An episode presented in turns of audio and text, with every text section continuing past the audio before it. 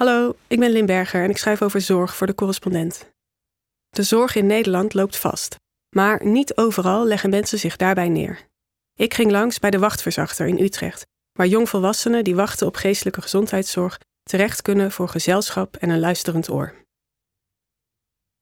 Oké, nu komt het erop aan, dacht Mark toen hij een jaar geleden een appje kreeg van Marije.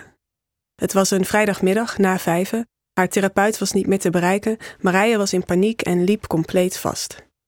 Of ze Mark mocht bellen, vroeg ze. Mark en Marije kenden elkaar toen nog niet zo lang. Ze hadden een paar keer gewandeld langs de Singel in Utrecht. Marije worstelde met somberheid en depressieve klachten, en die wandelingen hielpen haar om naar buiten te gaan, om in beweging te komen. Dat ze, nu het even helemaal niet goed met haar ging, om hulp vroeg, vond Mark best spannend. Maar toen we elkaar eenmaal spraken, wist ik precies wat ik moest vragen en zeggen. Ik dacht, dit is wat het betekent om ervaringsdeskundige te zijn. Het ging gewoon vanzelf. Marije knikt. Zo heb ik dat ook ervaren. Het ging vanzelf en dat was heel fijn. Mark en Marije ontmoeten elkaar begin 2022 via de Wachtverzachter, een initiatief dat mensen op de wachtlijst voor geestelijke gezondheidszorg in contact brengt met ervaringsdeskundigen. Op dit moment staan 84.000 Nederlanders op zo'n wachtlijst. En ruim de helft daarvan wacht langer dan vier weken op een intakegesprek en langer dan tien weken op de start van een behandeling. Wie wacht, die lijdt. Depressies, angststoornissen of ernstige eenzaamheid gaan doorgaans niet vanzelf over. En klachten kunnen zelfs verergeren zolang je geen hulp krijgt. De stroom aan berichten over deze problematiek alleen al is genoeg om somber van te worden. Het zoveelste bewijs dat de zorg in Nederland volledig vastloopt, dat het ons niet lukt om goed voor elkaar te zorgen. Toch zijn er ook plekken waar het stroomt. Plekken waar mensen proberen die vastlopende zorg vlot te trekken. Of, als dat niet lukt, om de gaten te dichten. Die zijn veroorzaakt door een krimpende verzorgingsstaat, een groeiende prestatiedruk en een gebrek aan zorgprofessionals. De Wachtverzachter, in 2020 opgericht door ervaringsdeskundigen Saskia Schuurman en Liane Wolfert, is zo'n plek. Het concept is simpel. Wie in afwachting is van professionele hulp of naast professionele hulp behoefte heeft aan extra ondersteuning, meldt zich bij de wachtverzachter. Dat gebeurt bijvoorbeeld op aanraden van de huisarts of het wijkteam. Een coördinator matcht deelnemers, niet cliënten, zoals Marije, met ervaringsdeskundigen, niet hulpverleners, zoals Mark. Dronten kreeg de primeur, later volgde Eindhoven gericht op jeugd tussen de 12 en 18 en Utrecht, speciaal voor jongvolwassenen tussen de 18 en 27 jaar. Inmiddels hebben er ruim 300 ervaringsdeskundigen en cliënten meegedaan. Net als alle andere ervaringsdeskundigen kreeg Mark een training waarin hij leerde hoe hij er het best voor zijn deelnemers kon zijn. Naast Marije heeft hij nog twee maatjes, zoals hij ze noemt. Sindsdien wandelen Mark en Marije geregeld met elkaar. We hebben geen vaste dag, maar wel een vast rondje, vertelt Marije. Het contact geeft haar iets wat ze niet vond bij haar therapeut en ook niet in haar eigen sociale kring. Ze vertelt: Bij Mark kan ik me makkelijk openstellen. Mijn vrienden weten soms minder goed hoe ze me moeten helpen en het contact met mijn therapeut is relatief formeel. En soms gaat het juist de dag na een therapiesessie niet goed met je en moet je een hele week wachten tot de volgende afspraak. Bij Mark kan ik ook tussendoor terecht. Bij hem voel ik meer warmte en meer begrip, ook door zijn eigen ervaring. Toen Mark zelf jong was, worstelde hij onder meer met een mentaal afwezige moeder, zijn seksuele identiteit en een grote gevoeligheid. Hij weet dus hoe het is om mentaal in de knel te zitten en om in de wacht te staan voor psychische hulp. En veel meer dan dat is er ook niet nodig om je aan te melden als ervaringsdeskundige bij de wachtverzachter.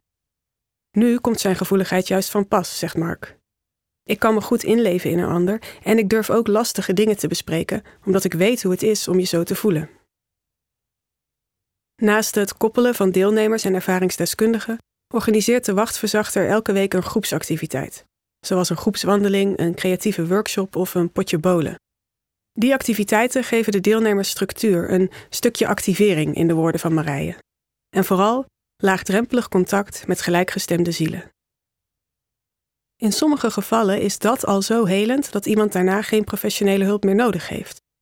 Al is dat zeker niet het doel, vertelt coördinator Alize Roos. Wij zijn geen alternatief voor hulpverlening, maar een aanvulling erop, vertelt ze. Toch, voor wie maandenlang op professionele hulp moet wachten, heeft die aanvulling veel weg van een reddingsboei. Vandaag treffen Mark en Marije elkaar in Rotsoord, een grote kinderboerderij annex moestuin midden in Utrecht. Hier organiseert de wachtverzachter deze zaterdagmiddag een huiskamer. Er zijn ballonnen, er is taart en een stuk of tien deelnemers en ervaringsdeskundigen zitten op het terras, de ogen half geloken vanwege de felle lentezon. Het gesprek aan tafel is even licht als het weer. Een jonge vrouw die psychologie studeert meldt dat ze vanaf nu principieel geen winterjas meer aantrekt. Het is tenslotte al april. De aanwezigen memoreren een Jeu de Boel-wedstrijd van een tijdje terug. Hoe fanatiek het eraan toeging, het meetlint waar Mark mee rondliep om er zeker van te zijn dat de puntentelling eerlijk verliep. Uiteindelijk was het gelijkspel geworden. Mark, lachend, dat was mentaal gezien beter voor iedereen.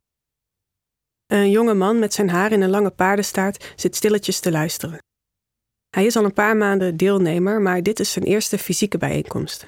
Tot nu toe vond hij het te eng om te komen. Weinig om bang voor te zijn, zo blijkt. Gewoon een groep mensen op een terras, iedereen van goede wil en vol goede bedoelingen. De psychologiestudent stelt een wandelingetje voor over het terrein. En daar gaan ze, langs een joekel van een Vlaamse reus, een kudde cavia's, schandalig uitgedoste kippen en twee geitjes die elkaar verdringen bij de uier van hun moeder. Juist in dat gewone, in die ongedwongenheid, schuilt de kracht van de wachtverzachter, vertelt Alice Roos. Als coördinator heeft ze meer dan 50 matches gemaakt hier in Utrecht. Dat doet ze, vertelt ze, op basis van iemands worsteling, iemands persoonlijkheid en mijn eigen gevoel. Wat wij bieden, zegt ze, is contact van mens tot mens. Klinkt simpel, maar het is kennelijk lang niet altijd makkelijk te verkrijgen. Roos zegt: Nederland heeft niet echt een groepscultuur. Jongeren zijn vaak alleen en dus ook eenzaam met hun problemen.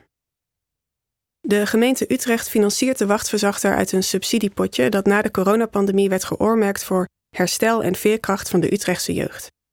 Dat is een tijdelijke regeling. Over hoe een vervolg er na 2025 uit kan zien, zijn wachtverzachter en de gemeente Utrecht in gesprek. Hoewel het initiatief in essentie een labmiddel is, voorziet het in een behoefte die voorlopig nog wel zal bestaan. Een op de drie jongeren heeft last van mentale klachten, rapporteert het RIVM. En bijna de helft voelt zich vaak tot zeer vaak gestrest. Volgens staatssecretaris Maarten van Ooyen, die jeugdzorg in zijn portefeuille heeft, kunnen die jongeren zich niet allemaal tot professionele zorgverleners blijven wenden. Ook sportverenigingen, buurthuizen en ouders zouden moeten kunnen helpen bij somberte, stress of angst.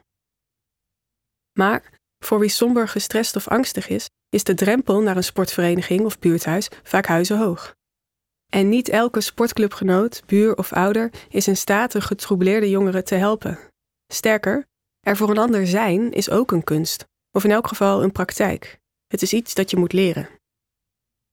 Zo ziet Alice Roos dat veel ervaringsdeskundigen aanvankelijk geneigd zijn iets te doen. Roos zegt: Ze willen iets oplossen voor een ander. En dat moeten ze dan een beetje afleren, want bij de wachtverzachter hoef je alleen maar naast iemand te staan. Luisteren, meeleven, dat is genoeg. Ze houdt haar armen op haar rug terwijl ze dit vertelt, als om de benodigde houding uit te beelden. In feite werkt de wachtverzachter op twee sporen. Deelnemers als Marije krijgen steun. Ervaringsdeskundigen als Mark krijgen de mogelijkheid zich in het geven van die steun te bekwamen. Of nou ja, steun geven. Ik ben er niet voor Marije, we zijn er eigenlijk een beetje voor elkaar, zegt Mark. De gesprekken die we voeren zijn heel gelijkwaardig en ook van mijn eigen levenservaringen gaan de scherpe randjes af. Met Marije gaat het inmiddels een stuk beter dan een jaar geleden. Dat voel ik zelf nog niet altijd zo, zegt ze, maar Mark herinnert mij eraan dat het wel zo is. Ze komt gemakkelijker haar bed uit, haar angstklachten zijn minder geworden. Bovendien verruilde ze haar studio voor een appartement en heeft ze weer een baan, nadat een hele tijd niet had gewerkt. Mark had verwacht dat hij wel vaker zo'n telefoontje zou krijgen als vorig jaar, toen Marije compleet was vastgelopen. Maar dat bleek niet zo te zijn. Preventief is misschien een te groot woord, zegt hij. Maar toch, wandelen, praten, nieuwsgierig zijn naar elkaar, dat lijkt enorm te helpen. Ze zitten er ontspannen bij, hier op het terras, net als iedereen eigenlijk. Misschien komt het doordat wat er tussen Mark en Marije is ontstaan inmiddels verdacht veel weg heeft van dat even alledaagse als magische goedje, dat wondermiddel tegen eenzaamheid, die verzachter van verdriet, vriendschap. Het is de missie van de correspondent om voorbij de waan van de dag te gaan Onze correspondenten voorzien het nieuws van context en schrijven over de grote thema's van deze tijd. De correspondent geeft me de vrijheid om mijn nieuwsgierigheid te volgen en de tijd om verhalen te schrijven. En zo probeer ik onzichtbare structuren zichtbaar te maken en een andere kijk te bieden op debatten die het nieuws domineren. Dan gaat het minder over het spelletje en veel meer over wat er op het spel staat. Vanaf dag 1 zijn onze artikelen, boeken en podcasts gefinancierd door onze leden. Volg ons op onze journalistieke zoektocht. Overweeg eens lid te worden van de correspondent. En maak daarmee samen met ruim 70.000 anderen onze onafhankelijke journalistiek mogelijk. Dus word lid van de correspondent. Ja. Word lid. vårt litt.